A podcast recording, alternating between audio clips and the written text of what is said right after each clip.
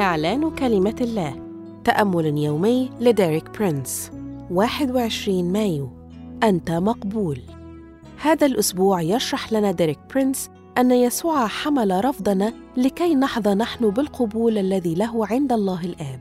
واليوم يوضح لنا أن الله أنعم علينا في المحبوب يسوع.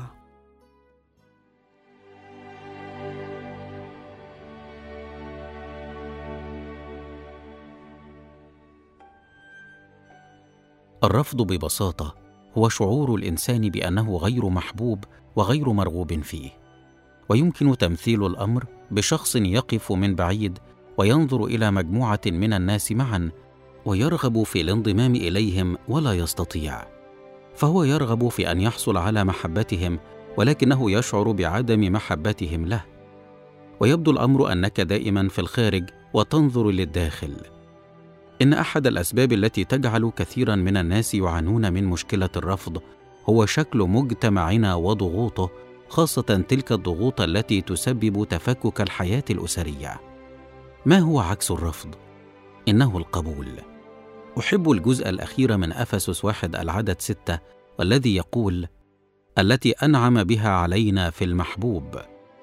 يسوع ابن الله الوحيد قد تعرض للرفض لنحصل نحن الذين كنا خطاطا متمردين على القبول الذي يتمتع به يسوع المحبوب عند الله الآب.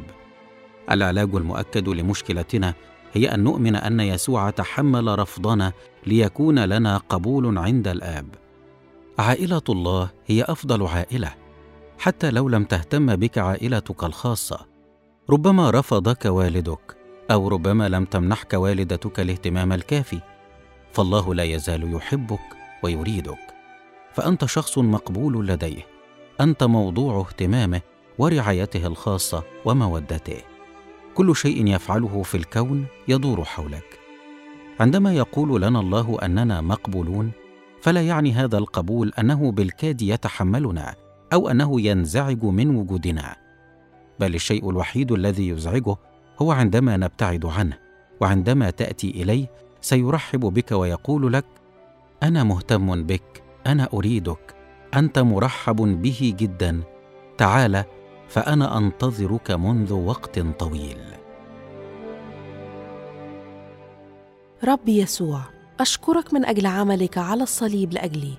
أعلن أن الرب جعلني مقبولا في المحبوب وهو يرحب بي. وأعلن إيماني أن الرب يسوع حمل رفضي لكي أحظى أنا بالقبول لدى الآب. آمين. للمزيد من الكتب والعظات لديريك برينس قم بزيارة موقعنا www.dpmarabic.com